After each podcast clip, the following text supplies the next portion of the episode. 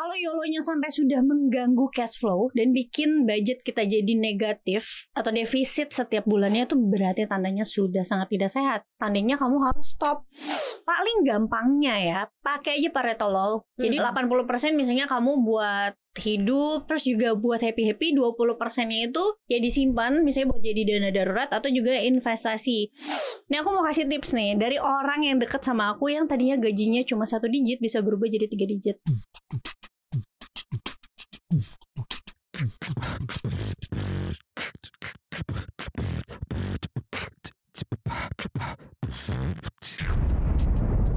Cuap-cuap cuan.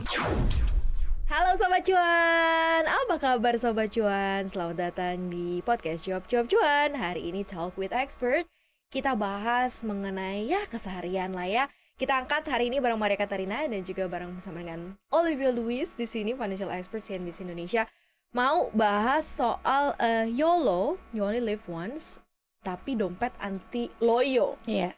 gimana bisa gitu karena kan kalau kita eh, identiknya gini YOLO itu eh, habit atau sesuatu hal yang entah itu disadari atau tidak disadari kayak ngerasa gak mau nahan diri untuk sesuatu hal yang dia suka Betul. karena kan kayak ya gue hidup cuma sekali gitu Itu kalau gue nggak beli misal suatu barang ya si- sifat-sifat konsumtif ini ya belum tentu nanti besok gue bisa beli lagi atau misal kalau gue nggak eh, lux hidupnya misalnya gue nggak memang spend banyak misalnya untuk liburan yang ini itu tuh belum tentu nanti gue bisa ngerasain lagi jadi Hmm. kayak kayak berpikir bahwa eh, waktu atau hidup ini sempit gitu jadi Hmm. makanya mereka mau sifat YOLO-nya itu jadi pembenaran karena dia uh, based on-nya di situ. Nah, sekarang kita coba bahas mengenai YOLO tapi dompet anti loyo gitu. Bisa nggak sih lo YOLO juga tapi dompet lo nggak loyo?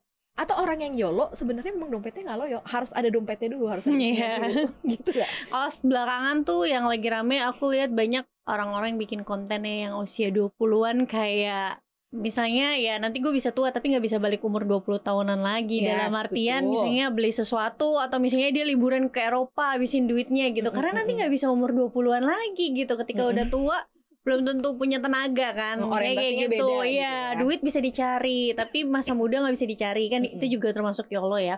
Bisa nggak sih dompetnya anti loyo ya sebenarnya bisa aja. Memang ada dua kemungkinan nih. Orang-orang yang biasa hidupnya loyo antara mereka memang sudah punya duitnya Mhm. maybe karena hidupnya juga punya privilege yang lebih dibanding Oke. orang lain Terlahir gitu ya. kaya misalnya yes gitu ya. kayak gitu Oke. Terus ya nggak apa-apa juga kan, nggak okay, apa-apa. Oh okay. ya orang tua kan kadang ada juga kan orang yang nggak terima ah dasar duit bapak lu gitu Uh-uh. misalnya. Tapi ya nggak Ya, apa-apa lah. ya Kita sih? kerja buat Bener. anak nggak? betul. Betul dong. Betul. buat anak kita. Se- Setelah kita punya anak akhirnya ngerasa bahwa ya ya duit gue buat Betul. anak gue gitu. Iya betul. Terus ada juga mungkin yang karena dia juga sudah terbiasa misalnya udah bisnis kecil-kecilan dari eh, apa Hmm. SMA. Hmm. Ada juga loh. Aku kenal beberapa orang yang Maksudnya sekarang mereka udah pintar cari duit sendiri karena dari masa sekolahnya mereka kayak mulai jualan nugget gitu ya. Mhm, Jadi udah mhm. punya duit sendiri, bisa tuh hidup YOLO yang seperti itu juga bisa. Tapi ada juga memang yang kayak mikirnya kayak aku zaman dulu ya. Mhm.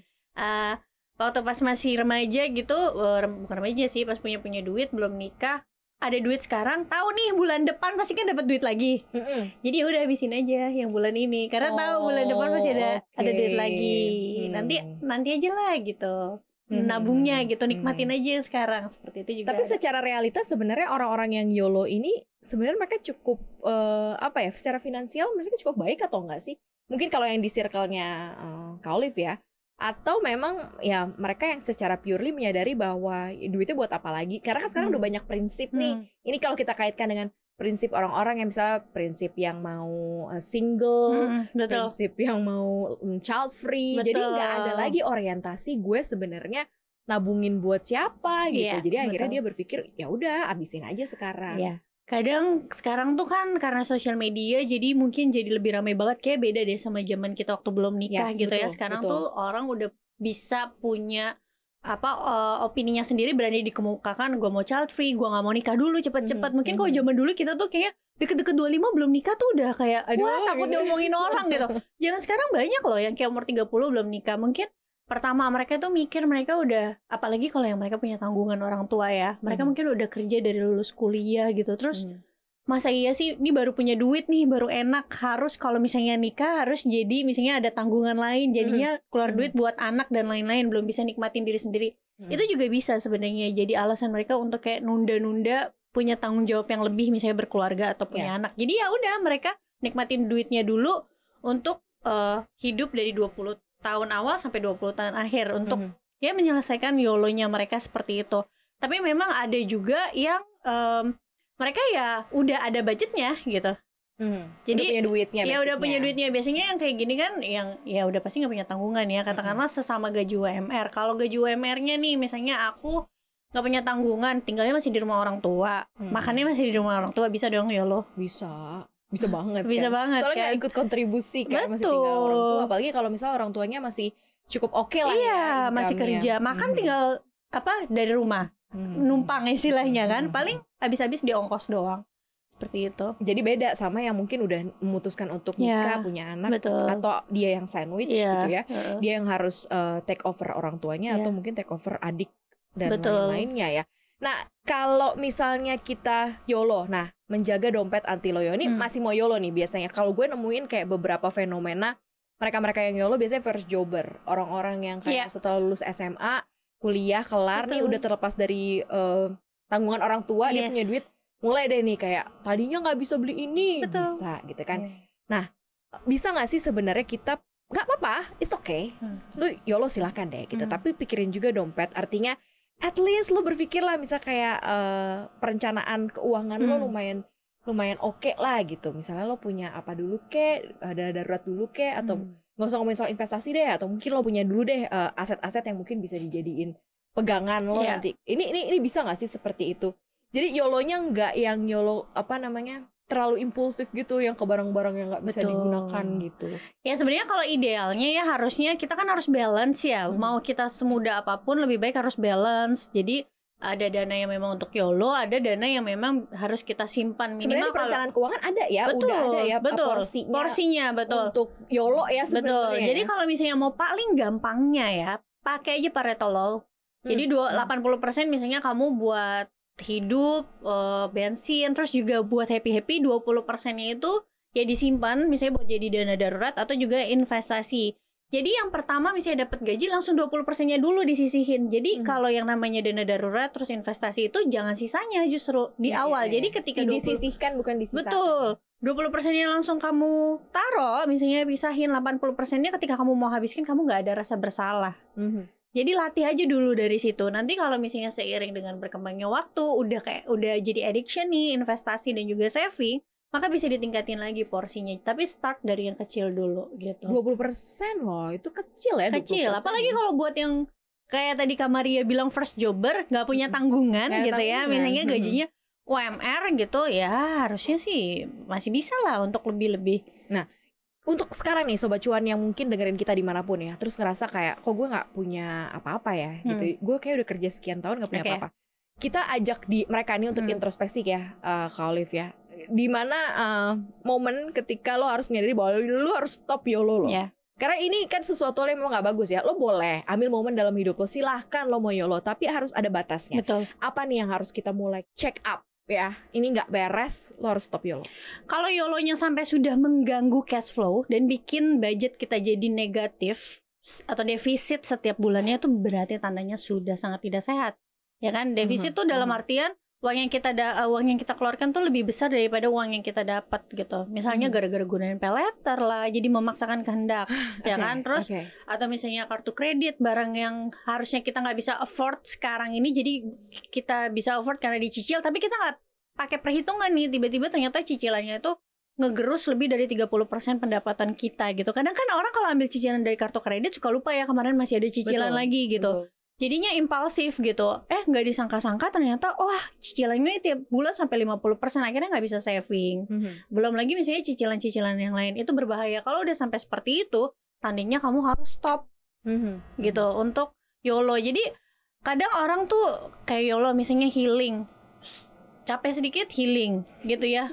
Ini sedikit healing. Terus healingnya nggak nanggung-nanggung iya, kayak langsung ke lebay Bali. aja gitu. Iya, langsung ke Bali kan. Padahal kan maksudnya sayang banget kalau misalnya kamu mau gaya hidupnya lebih lavish gitu ya. Dalam artian oh, liburannya mau yang lebih mewah, lebih sering. Berarti income-nya yang harus dinaikin, guys.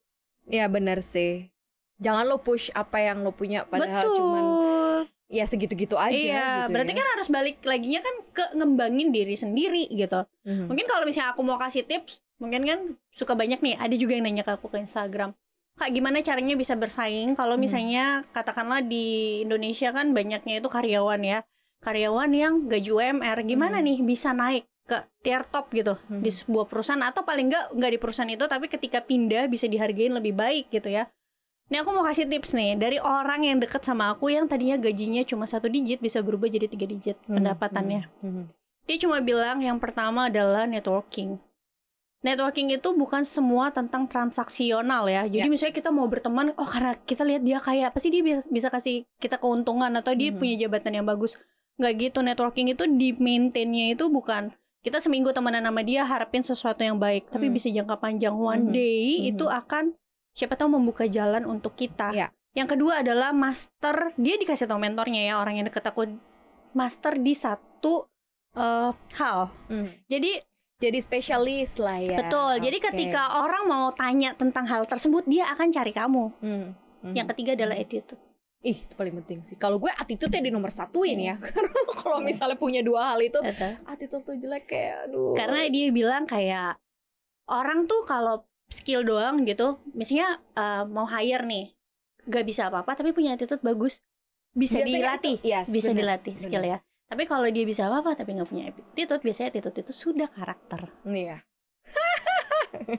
Kenapa gitu ya ketawanya? Jadi emang ini untuk semua sobat cuan sih. Artinya Hmm. adalah ketika kamu ngerasa bahwa uh, mau menikmati dulu Hmm. hasil kerja keras kamu dan pengen kayak YOLO, pengen punya ini, pengen punya itu, boleh. Itu itu boleh ya. Tapi tetap kamu harus tahu batas dan juga Hmm. Betul. limitnya seperti apa Kalau mau gitu yang ya. lebih ya berarti harus kembangin diri. Benar.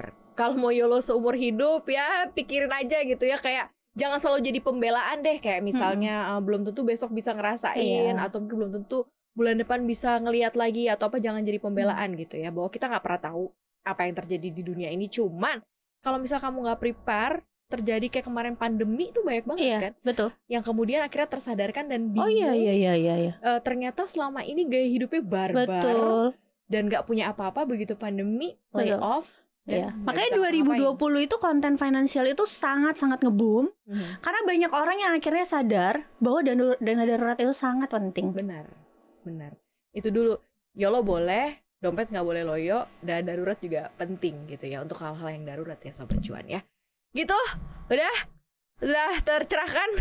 Mudah-mudahan ya makin pinter lagi untuk uh, pengelola keuangan pribadi. Karena kayak uh, sifat-sifat kayak misalnya YOLO atau berbagai macam yang sifatnya keluar dari kita tuh ada kontribusi uh, psikologis juga kita yang nggak bisa handle gitu. Jadi kita kayak nggak bisa nahan Mm-mm. gitu. Jadi kelepas gitu aja. Nah itu bisa kamu kontrol sebenarnya dengan banyak melakukan aktivitas personal misalnya kayak banyak baca buku ah Iya. lagi pengen belanja buka ini nih buka yang lain gitu jadi Mm-mm. sebenarnya itu bisa dialihkan Iya. gitu ya atau melakukan kerjaan-kerjaan yang lain yang bisa membuat kamu terhindarkan dari hal-hal yang membuat kamu jadi impulsif Kadang nggak apa-apa apa filter pertemanan juga nggak apa-apa kok untuk kebaikan diri pasti sendiri. sih, pasti sih bener Kalau kira-kira temennya malah mempengaruhi untuk kita jadi impulsif, yes boros dan lain-lain ya nggak apa-apa. Nggak berteman dulu sementara waktu. Iya ya, di Mhm. dunia ini kan lama-lama begini nih. Iya. Ya kan tadinya banyak jadi mengerucut lama-lama kita circle-nya juga itu-itu aja ya.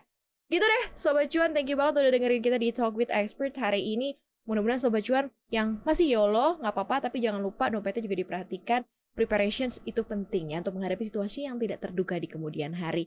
Terima kasih udah dengerin Maria Katerina dan juga Olivia Louis. Hari ini jangan lupa dengerin konten kita lainnya di Apple Podcast, Google Podcast, Spotify, dan juga Anchor. Follow akun Instagram kita di @cuap underscore cuan. Dan subscribe YouTube channel kita di Cuap Cuap Cuan, di like, di share, dan juga komen. Konten kita hari ini juga tayang ya, Sobat Cuan di CNBC Indonesia TV. Kita berdua pamit ya. Sehat-sehat. Bye-bye Sobat Cuan. Bye.